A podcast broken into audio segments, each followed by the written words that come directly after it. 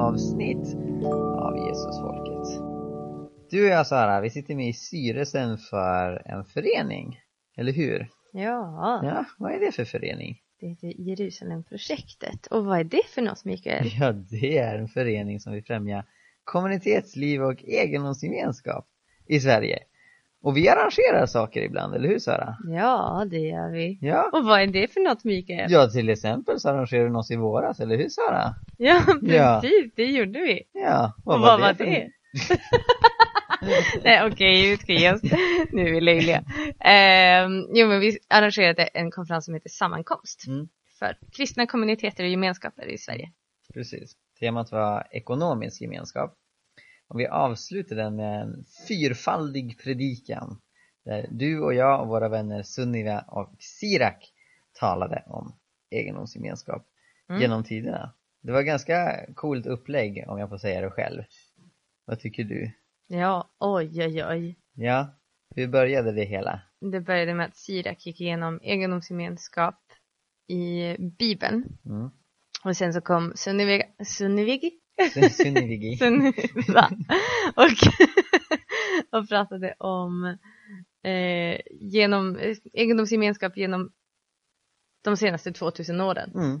Och sen pratade Mikael om nutid Mm. och jag pratade visionärt om framtiden. Yeah. Så låt oss inte hålla er på halter. Här kommer vår fantastiska predikan om egendomsgemenskap genom tiderna. Eh,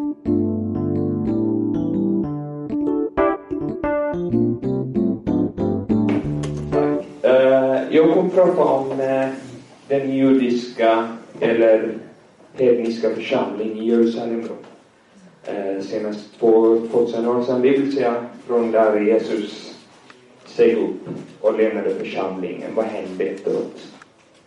Eh, när vi går lite bakgrund på församlingen. Ja, den församling som eh, blev kvar efter Jesus lämnade sina lärjungar den församling bestod av judarna som kommit till tro på Jesus Kristus som är ett resultat av apostlarnas förkunnelse, även också icke-judar, såsom Paulus då. Paulus som har förförde. Jag kommer komma tillbaka till Paulus då. Men den församling som Jerusalem hade som eh, pingsdagen skedde över dem alla lärjungarna så är det den församling som vi tror igenom alla eh,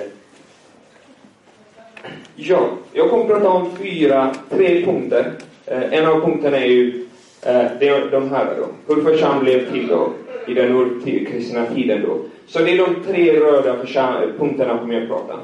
Men när vi ser i dagsläget i församling, dagens församling, så är det att många församlingar vill leva efter den formen, den mandatet som församling i Jerusalem hade. Vilket då att många, många saknar verkligen i Apostlagärningarna kapitel 2, då så att säga att den helige Ande kom och så vidare. Men hur församlingen blev till, eller vilka utmaningar hade församlingen? Den församlingen hade inte bara framgångar, utan den hade också fram, motgångar. Jag kommer komma till det. Och sen vilken framgångskoncept som församlingen hade som gjorde att den evangelium som den församlingen har eh, förkunnat finns kvar fortfarande. Det är just därför vi är här. I Doro, så att säga. Ja, hur församlingen blev till. Det är Markus 3, 16-19. Uh, Matteus 10, 24, uh, 2-4 då. Församlingen utformade av Jesus, församlingen som hade visionen just att göra många till lärjungarna. Och den församlingen hade två punkter, hade två eh, visioner. Det första är att träna lärjungar.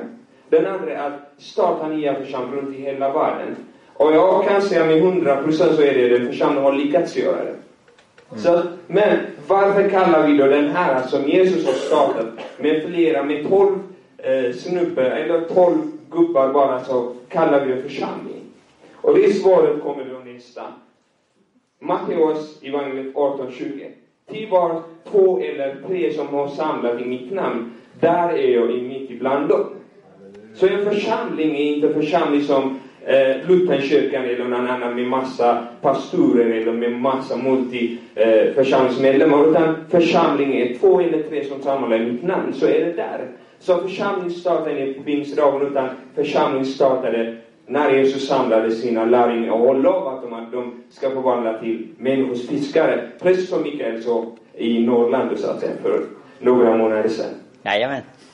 Och-. Yes. Men vad är det som gör att den församlingen, Jerusalem församling, är mer tydligare än dagens församling? Den församlingen hade inloppet och utloppet, vilket innebär den tog in kraften av den helige Ande, men den ger tillbaka också. Den hade, nummer ett, två, är mission var huvudmålet i församlingen, i den församling som har det för länge sedan. då. Tredje, den hade församlingen hade en vision som alla församlingsmedlemmar, eller alla lärjungar, hade någonting som de strävade efter, de såg framåt då. Även det här med frälsning, mirakelaktivism var där, som Jesus alltid följde efter också. Och fanns inga klyftor mellan medlemmarna. Alla delade inte bara mat eller pengar, alla delade samma vision. Så varken vision eller ekonomisk klyftor hade ingenting där.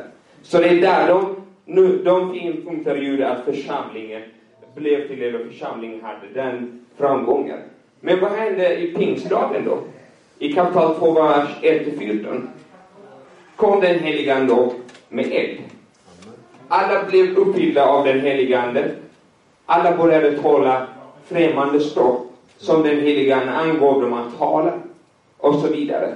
Men vad är det som gjorde att de, att pingstdagen skedde då? Jag måste gå och skynda mig så mycket.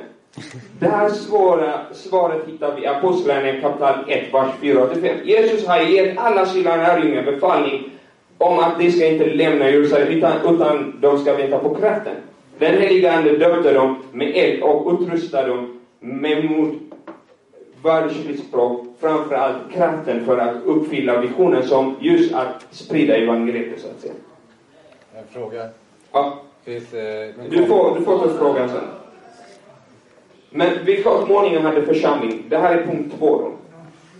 Församlingen hade många utmaningar som gjorde att församlingen blir starkare. För det är utmaning som gör att för- församlingen eller en grupp kan bli starkare. Det här är ju att förföljelse. Andra är falska lärare eller världslig levnadssätt. Som var bland alla lärjungar, alla folk som var bland dem. För att nu pratar vi inte om de tolv bara, nu pratar vi över 5000 människor. Nu pratar vi om dem, den församling i Jerusalem då. Förföljelse, romarriket. Vad gjorde romarriket i den tiden? Romarriket såg kristna som ett hot eftersom de hade väldigt starka tillväxt. Även också kejsaren Nero på tre, år 37 till 68 eh, efter Kristus. Så kejsaren har liksom mördat många. Till och med hans trädgårdar så har de bränt många lärjungar. Det förföljelse hade de med just romarriket. Andra, det här är vad kejsaren Nero gjorde den tiden. Andra, det här är Saulus. Saulus som sedan blev Paulus. Saulus som sedan blev Paulus. Saulus var här då i församlingar och hemmet hos de kristna eller andra för andra statens räkning då. Men som vi läser i Apostlagärningarna kapitel 9, vers 3 så omvände han sig till Gud. Tack, tack Herre för det. Amen. Men vad, vad menas med falska läran och värld, världslig levnadssätt? Ja, predika, som predikar bara endast det som folk vill höra. Apostel, äh, Paulus har ju liksom ganska mycket, har pratat om mycket om hans brev så att. Många har predikat något som människor bara vill prata. Och att vissa livsstil är mer okej än andra. Om det är bara tro på att redan i himlen eller och så vidare, vilket livsstil du har. Alltså du är redan, det är något som inte är bibliskt alls. Och stoltheten, eh, tanken om att den som ber mer är värd eller bättre än den andra. Så vill det se Korintierbrevet och sånt där. Så men med framgång då, det här är det sista då, så kommer ju då nästa kommentar då. Eh, vi läser i Apostlagärningarna kapitel 4. Det är den framgångskoncept som vi hade, som just nu, vi pratar här om att hitta nya metoder, hitta nya, att, att samlas och hitta hem, vi ska samlas bara i hemmet. Det de gjorde att Apostlagärningarna så hade de andens ledning som uppfyllelse att hur mycket bland apostlarna och alla lärjungarna. Punkt ett är att heliga andes ledning lojalitet till församling och ledare framförallt till kallelsen som alla vi har. Och generositet. För att alla har lämnat vad de, alla har lagt fram och gett till apostlarna allt vad de hade, vad de ägde delade tillsammans. Ingen hade liksom saknat någonting. Och när det är det här att ingen har saknat, när jag ser i den församling, i dagsläget som jag pratar med en del av er, säger att det finns ingen företagare i församlingarna, i svenska församlingar eller någon, finns ingen företagare som går och sitter med en som försörjer sig av bidrag, utan han pratar, sitter med en i samma nivå som honom, i samma klass som honom. Och det är där det är klyftorna som gör att omedvetet kommer in smyger in i församlingen. Men i den församlingen hade ni inte den här, för att alla hade samma nivå. Och just där hittar vi nyckeln. Varför den församlingen finns kvar fortfarande i våra hjärtan, i våra tankar. Även om det är den strävan vi har. Det är det jag ville säga. Så hoppas ni hängt med. Då. Vi var lite snabbt. Tack, för, tack så jättemycket för att ni lyssnade på mig. Tack Siri. Eh, ja, eh, vi andra här eh, har ingen eh, powerpoint. Eh, nu får du titta på mig istället. Den, det eh, samhälle som eh, församlingarna fortsatte leva i eh, var då romarriket efter eh, och eh, det var ungefär 25 procent av befolkningen var så att säga bidragsberoende. Eh, hade de levt i Sverige så hade de levt på socialbidrag eller sjukförsäkring. Eh, de var tiggare, änkor, funktionshindrade, fångar och så vidare. Ehm, och plus det, utöver det så var ungefär 50 procent som levde på eller under existensminimum. Så det var ett väldigt fattigt samhälle. Och i det här samhället så blev det naturligt för de kristna att börja leva i egen gemenskap eller åtminstone dela med sig.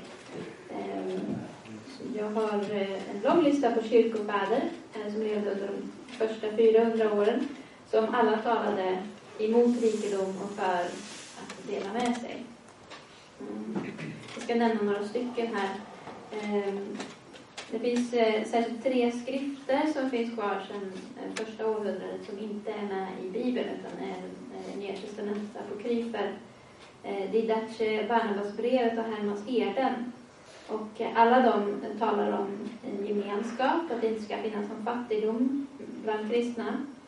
Eh, att eh, rikedom är förgängligt och är någonting som egentligen måste huggas av, till och med, säger Hermansherden. Om vi hoppar fram några hundra år så har vi Clemens av Alexandria som, som istället tolkade Nias och säger att du ska sälja allt du har och ge åt de fattiga, så tolkade han det bildligt. Eh, och fokus på girigheten istället, ge, ge, försvinna med din girighet. Eh, Men samtidigt så säger han att det är varken mänskligt eller kristet att ha mer än vad man behöver. Eh, Så det man har i överflöd måste man ge till de fattiga. Annars är man varken människa eller kristen.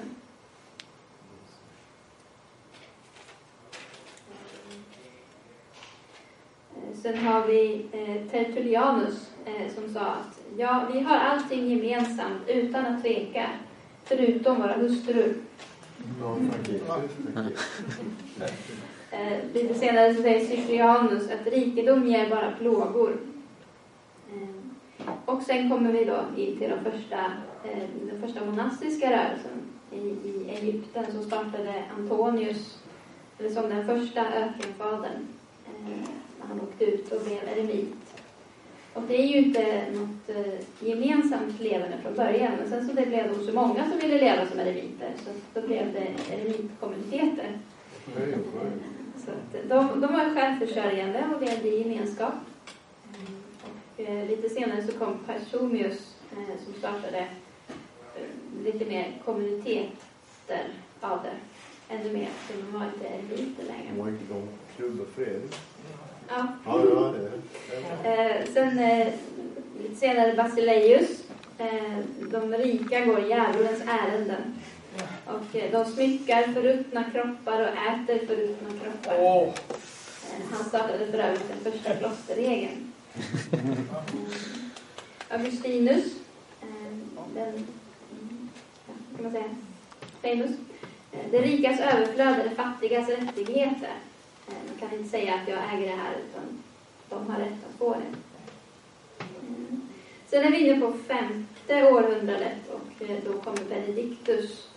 Eh, och här kommer liksom det organiserade klosterlivet in väldigt mycket mer. Och det är i en tid när kyrkan också blir väldigt mycket mer organiserad. Det, ligger i tiden. Och härifrån kommer också det här begreppet ora et labora. Ehm, Bedja och arbeta. Och det var det man skulle göra i kloster. Det blev eh, ett exempel, jag tar några exempel nu på resten av 1500-åren. Eh, keltiska kloster eh, var från början mer som kommuniteter. Det var präster, det var lekmän som var nunnor och munkar och familjer och barn som levde i en slags kommunitet med, med eh, munkarna och nunnorna så att säga i centrum och sen de andra runt omkring. Eh, det var inte så att de hade direkta eh, egendomsgemenskap som de hade bestämt sig för men det blev så naturligt för att alla såg till att alla andra i byn hade vad de behövde. Ehm, och härifrån kommer faktiskt en liten rolig koppling till Sverige. För eh, St. Patrick då, som kristnade Irland. Ja. Därifrån, från hans, eh, ett av hans kloster, så kom Kolumba till Iona. eh, Som är en, en fin ö man kan åka till. Eh, Och därifrån åkte Boniface till Korby i Tyskland. Och från Korby kom Ansgar till Sverige. Så att det är en, den vägen som kristendomen kom till Sverige. Det är lite där. Ja sen har vi... eh, det kom ganska många olika klosterordnar. Eh, och det är ganska naturligt att prata om kloster och prata om gemenskap för att det var de som eh, i huvudsak praktiserade det. Men eh, nästan alla klosterorden har också haft något som kallas för tredje orden. Och eh, det är människor som inte går i, som inte blir nunnor och munkar eh, utan de lever ute i samhället eh, och eh, vill ändå vara del i klostrets gemenskap och ha som det är en slags kommunitet. Lite så som vi pratar om här. Eh, till exempel Franciscus av Assisi startade en tredje orden också. Eh, Och han var väl en av de första, men det finns listor ända från 700-talet på en tredje orden som hade 20 000 medlemmar. Oj, oj, oj, oj. Den är lite svårtydlig, men så var det. Och eh, då fanns det då sådana som eh, regularer som levde i, i klosterliknande fast de hade inga eh, löften så. Och så fanns det sekularer som, som levde ute i samhället men följde en slags regel, en personlig regel och hade kontakt.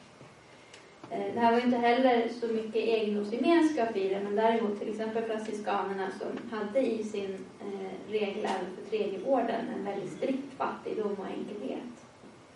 Så det, det förutsätter ju att man gör sig av med sina pengar och ger dem till de fattiga. Vi hoppar fram lite och eh, då kommer vi till reformationstiden. Och Luther och Calvin reformerade kyrkan. Men samtidigt som det så fanns det en annan reformation. Eh, Och eh, man, kan, man brukar säga att, att det är Luther, han avskaffade klostren och byggde upp så det honom ovetande så lade han grunden för senare kristen höger och eh, konsumism och kapitalism. Mm, Ja. det kan man diskutera. Men eh, den här andra reformationen som pågick samtidigt var, kallades för anabaptisterna. Eh, Och de trodde på troendedop, på pacifism och egendomsgemenskap. Eh, Så att de sa att alla Guds gåvor är för alla. Eh, Att en kristen ska sälja allt han äger och ge till de fattiga. Och eh, det, detta innebär frihet från bekymmer. Tyvärr så är det nästan, ja det är inte direkt någonting som man följer i egendomsgemenskap bland anabaptisterna idag. Men Eh, Jo, jo vissa. Men, vissa. en del gör det, men det är inte liksom i, i det stora hela. Men eh, de, om man liksom har sett en anabaptist så kan det hända att man har sett en amish. Eh, det folket är, är eh, härstammar från dem så att säga. Om ni inte vet vad amish är så kan vi ta det efteråt. Ett litet eh, svenskt exempel också. Eh, och, eh, det var, I Stockholm så bildades några som kallas för gråkolparna på 1700-talet. De kallades så för att de gick omkring i gråa kläder. Eh, för att de ville, vara helgade och kanske känna igen varandra när Jesus kom tillbaka. För han skulle komma tillbaka när som helst. Och det är någonting som jag tror att vi har glömt nu. Att, Jesus kan faktiskt komma tillbaka när som helst. Han säger knappt Gud vet när. Så hur ska vi säga att vi vet att Jesus kommer tillbaka om tusen år, inte i min livstid? Nej. Eh, Så de trodde det. Eh, De var reformerta pietister. Och eh, den innersta kretsen hade egendomsgemenskap. Men eh, tyvärr ansågs de vara heretiker av kyrkan eh, och förföljdes och utrotades. Men det finns lite att bygga på. Förlåt? Mikael. Utrotade, sa du det? Värsta. Tack så mycket Sunniva. Det gick ju snabbt med 2000 år. Ja, ja, ja.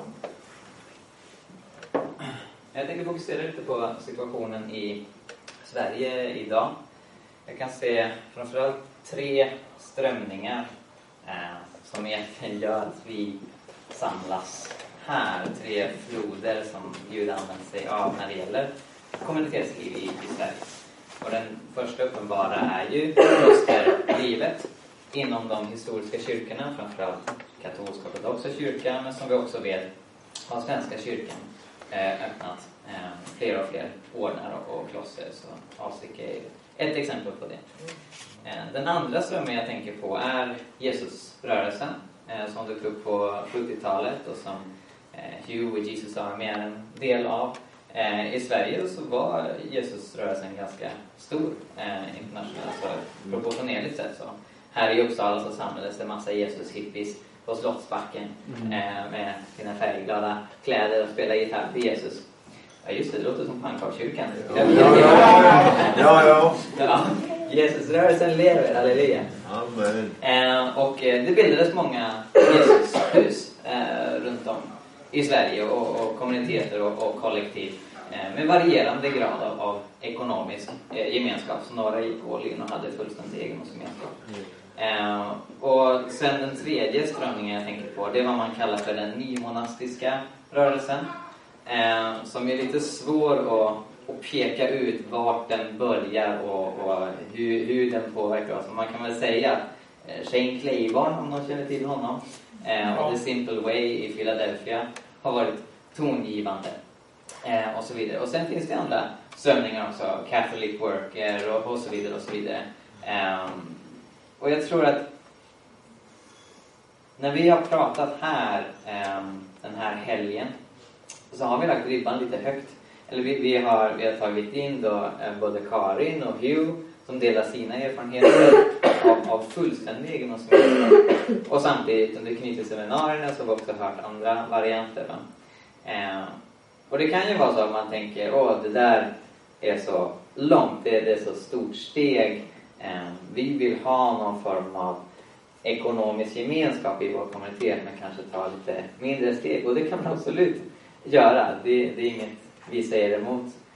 Det finns dock ett värde i att peka på eh, både utmaningarna, eh, problemen, svårigheterna men också eh, det vackra men faktiskt dela allt.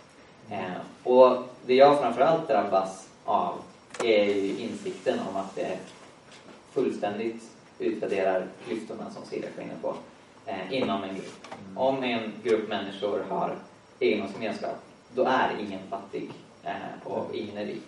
Eh, de, de har allt gemensamt. Eh, jag har engagerat mig väldigt mycket för EU-migranter som några vet. Eh, väldigt eh, utsatta, eh, fattiga människor eh, som är kristna. De allra, allra flesta av dem är kristna. De flesta här i Uppsala är pingstvänner. Och det är en enorm tragik i att när det kommer inte fler än 5000 hemlösa människor. Så även om kyrkan har gjort fantastiska saker, stått på fronten och, och eh, öppnat natthärbärgen och, och drivit på i media och så vidare. Så, så känns det ändå så här, men mm, det, det går att göra mer. Um, jag noterar, jag var på min första sammankomst eh, 2009, att många av de nya kommuniteter som, som dyker upp i Sverige idag, som man kan säga är en del av den här nymonastiska rörelsen framförallt, är kortlivade. Vissa har ambitionen att vara det. Samtidigt vet jag också att det har varit eh, kommuniteter som jag har sett startas upp där längtan har varit att, att göra det långsiktigt och satsa på det men sen så faller det sönder. Eh, och något som jag inspireras av både eh, när det gäller Alsike kloster och Jesus Army är att de består. Eh, och så, Alsike är väldigt få, men de består. Jesus Army är, är desto fler och de har bestått. Eh, medan Jesusrörelsen i, i Sverige inte lyckades bygga några kommuniteter som bestod så har Jesus Army lyckats med det. Jag tror dels det hänger ihop med att de, de betonar eh, överlåtelse Eh, som vi varit inne på i Jesus Army. Eh, så man säger det, även om det finns alltid möjligheten att gå ut och säga det. Men vi vill att du, du tänker på detta under flera år. Eh, Alsike har ju en ännu längre process. Det tog ju 12 år eller vad det var för Karin att lämna sina löften. Så dels den, den, den långsiktigheten, överlåtelsen. Men eh, det här med ekonomiskt delande på, på ett djupare plan eh, fördjupa förstås engagemanget. Vi sa på eh, eh, Lauras eh, seminarium om Jesu undervisning om rikedom och fattigdom innebörden av att där din skatt är, där kommer ditt hjärta vara, är förstås Ja, att, att, att, att där, där vi liksom lagt vår plånbok, där, där vilar vårt engagemang. Det jag tror vi, vi ska eh, be om och, och tänka kring i våra olika sammanhang, oavsett hur våra kommuniteter eller våra drömkommuniteter ser ut, oavsett eh, hur det ekonomiska delen ser ut. Ta med detta. Inom LARS så talar man om kärnmedlemmar när det gäller de funktionshindrade i, i frågan. Eh, och jag tror det är viktigt att vi tänker eh, att utsatta människor överlag, men fattiga människor ska vara våra kärnmedlemmar. Eh, det finns en viss tendens, medveten om själv, liksom, att man är fast i sitt socioekonomiska skick. Och då blir de här situationerna, när de riktigt nödlidande är utanför kommuniteterna, trots att de ofta gärna vill. Om det är ett krav för kommuniteten, förutom liksom tron på Jesus och viljan att vara med, att man ska kunna betala hyra, då kommer kommuniteten att se ut på ett visst sätt och kanske inte reflekterar helt och hållet Jerusalem i Apostlagärningarna. Um, och det är det som är det vackra um, med, med fullständig egendomsgemenskap, så att säga. Att man kan ta in hemlösa, arbetslösa och så vidare. Återigen, det kommer massa utmaningar med det, förstås. Um, men vi får inte låta det vackra som Gud har gett oss bli ett medelklassprojekt. Eller hur? Ja.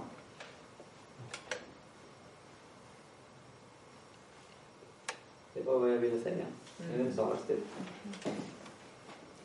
Okej.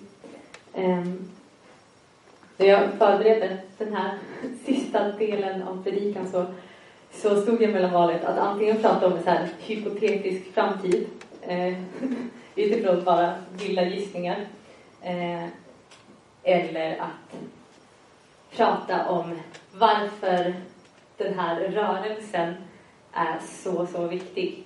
Och där hamnade jag. Eh, ja. I Lukas 20-21 så står det så här. Vidare sa han, vad ska jag likna Guds rike vid? Det är likt en surdeg som en kvinna tar och blandar in i tre mått vetemjöl tills allt samman blir syrat. Det finns lite olika betoningar idag kring Guds rike. Antingen så, så pratar man om det som, eh, ja, men som någonting, någonting som ska komma. Eh, eller så pratar man om det som, som någonting eh, Ja, men eh, så tänker man sig att, att Bibeln liksom sammanfattar Guds rike, de, de morallagar som finns där. Eh, allt som Jesus sa och gjorde så levde han ut Guds rike och eh, frågan vi ställer hur, hur lever vi det idag? Eh, för mig så handlar kommunitet och egendomsgemenskap om att leva ett profetiskt liv. Eh, ett liv som vittnar om ett kommande rike eh, och att vara en, en profetisk gemenskap.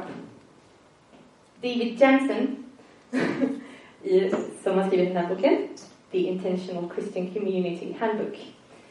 Eh, han säger så här. Eh, att these communities are called to be living demonstrations now of the future that God has for the whole world. Behold, the kingdom of heaven is among you. Thank you. Jesus. En profetisk gemenskap är en gemenskap som visar på vart vi är på väg. En gemenskap som, som eh, lever ett budskap. Budskapet att Gud har en plan för den här världen. En god, god plan. Eh, men den här planen ser också totalt annorlunda ut från, från det samhälle som vi ser idag. Eh, Och de, de värderingar som, som präglar den här världen. Ehm.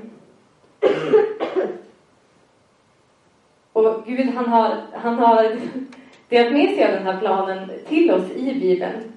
Eh, och Jesus kallar den här planen för Guds rike. Eh, och jag vet inte om ni har hört det, att det är så här folkmun, eller vad man ska säga, också kallas för riktigt annorlunda. Eh, och just den här annorlundaheten, det har jag märkt att det kan liksom försvåra för oss. Eh, när jag pratar med människor om, om det här så, så har jag märkt att det, att det lätt kan bli lite förlamande, en förlamande tanke för människor. Att det liksom blir för annorlunda. Eh, och då tenderar man att försöka hitta olika förklaringsmodeller eh, som gör att vi med gott samvete kan liksom skjuta det framför oss och reducera det här Guds rike eh, till någonting vi väntar på. Istället för att förkroppsliga det i vår tid, i väntan på att det ska bryta igenom helt och fullt. Och förstå mig väntan och förvän- förväntan på Guds rike är ju jättebra. Det är ju det är vårt hopp. Det är klart att vi ska, ska vänta på det. Men det är lätt också att den här väntan blir passiv. Eh, och att man liksom gömmer sig bakom själva väntandet istället för att i stor, så stor utsträckning som möjligt leva det här och nu. Och ibland så tror jag också att vi gömmer oss bakom våra kyrkors verksamheter. Att vi liksom nöjer oss med att, att våra kyrka tar hand om hemlösa. Våra kyrka ger ju kläder till fattiga och så, och så känner man att ja, men det är ju bra, det är ju del av mitt liv. Och det är ju fantastiskt att kyrkorna gör det. Kyrkorna gör jättemycket i det här samhället som, som Mikael sa, att det eh, att vi liksom står i bräschen för, för, ja, för det moraliska i samhället. Ehm, men jag har väldigt svårt att tro att det var det Jesus pratade om när han pratade om Guds rike. Att han liksom gav oss tips på olika verksamhetsområden som är behjärtansvärda för kyrkan. Eh, Ja, just det. Eh, och sen någonting så här bara, det här kan människor engagera sig i. Nej, jag vill hävda att Jesus snarare pratade om ett helt liv. Amen. Eh, ett sätt att leva.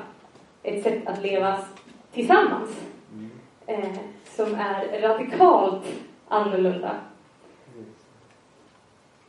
Och jag tror att det här kan ha sin förklaring också eh, i att samhällets livsnormer eh, att det blir att det blir en krock där eh, när samhället värderar eller av våra livsnormer att vi ska vara otroligt individualistiska och det enda som är viktigt är vår lilla familj. Eh, och vi ses i första hand som arbetare eh, där vår ork oftast bara går åt till att jobba, äta, sova. Eh, och i den, i den typen av liv så är det väldigt svårt att förkroppsliga Guds rike. Eh, för hur ska jag som heltidsstudent som bor själv, hur ska jag kunna ta hand om en familj som är traumatiserad och behöver hur mycket hjälp som helst? Visst, jag kan, men det är svårt att få orken att räcka till. Så jag tror att för att vi ska kunna leva det här profetiska liv som Jesus kallar oss till så behövs det en rörelse eh, som vågar bryta sig loss och ifrågasätta och säga nej till det världen prackar på oss och säger att så här borde du leva. Och därför så tror jag att vi som sitter här inne är så, så viktiga för framtiden.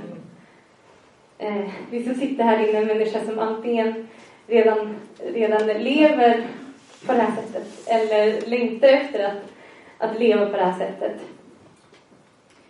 Eh, och jag tror att det är mycket vad som krävs för att kunna ja, för att Guds rike ska vara förkroppsligat. Och då blir det riket annorlunda, men annorlunda på ett extremt attraktivt sätt. Men jag drömmer om den dag då det här riket inte är så annorlunda. Då det här sättet att leva har blivit ett självklart alternativ. Så här, vad ska jag göra efter gymnasiet? Bara, ja, men kommunitet såklart. För att jag vill vara Jesu lärjunge. Eh, och då kristenheten inte längre engagerar sig i Guds rike utan lever Guds rike. Och jag tror att det är en, en, en utveckling och en grund för en faktiskt ljusare framtid. På samma sätt som surdegen sprider sig i hela de här tre måtten mjöl. De här måtten är tre, tre stora oljefat mjöl. Det var ungefär ett mått på den tiden. Inte ett decilitermått. Mm. att det sprider sig genom oss. Men det behöver börja på, på gräsrotsnivå i våra hjärtan. Ja, så låt oss be för det. Oh, Jesus Kristus, tack. Tack för den du är. Eh, och tack för den fantastiskt goda plan som du har för oss. För hela mänskligheten. Att du vill oss så väl och att du också har kallat oss till att vilja varandra så väl. Eh, och Jesus, jag, jag ber att du skulle göra den längtan som vi alla bär på ännu starkare i våra hjärtan, Herre. Eh, att vi får eh, ja, förkroppsliga ditt rike, Herre. Mm. Låt oss få inspireras av, av historien och av det som är nu. Och led oss in på, på en väg som gör att vi med våra liv förhärligar dig och vittnar om vem du är. Mm. I ditt namn, Jesus.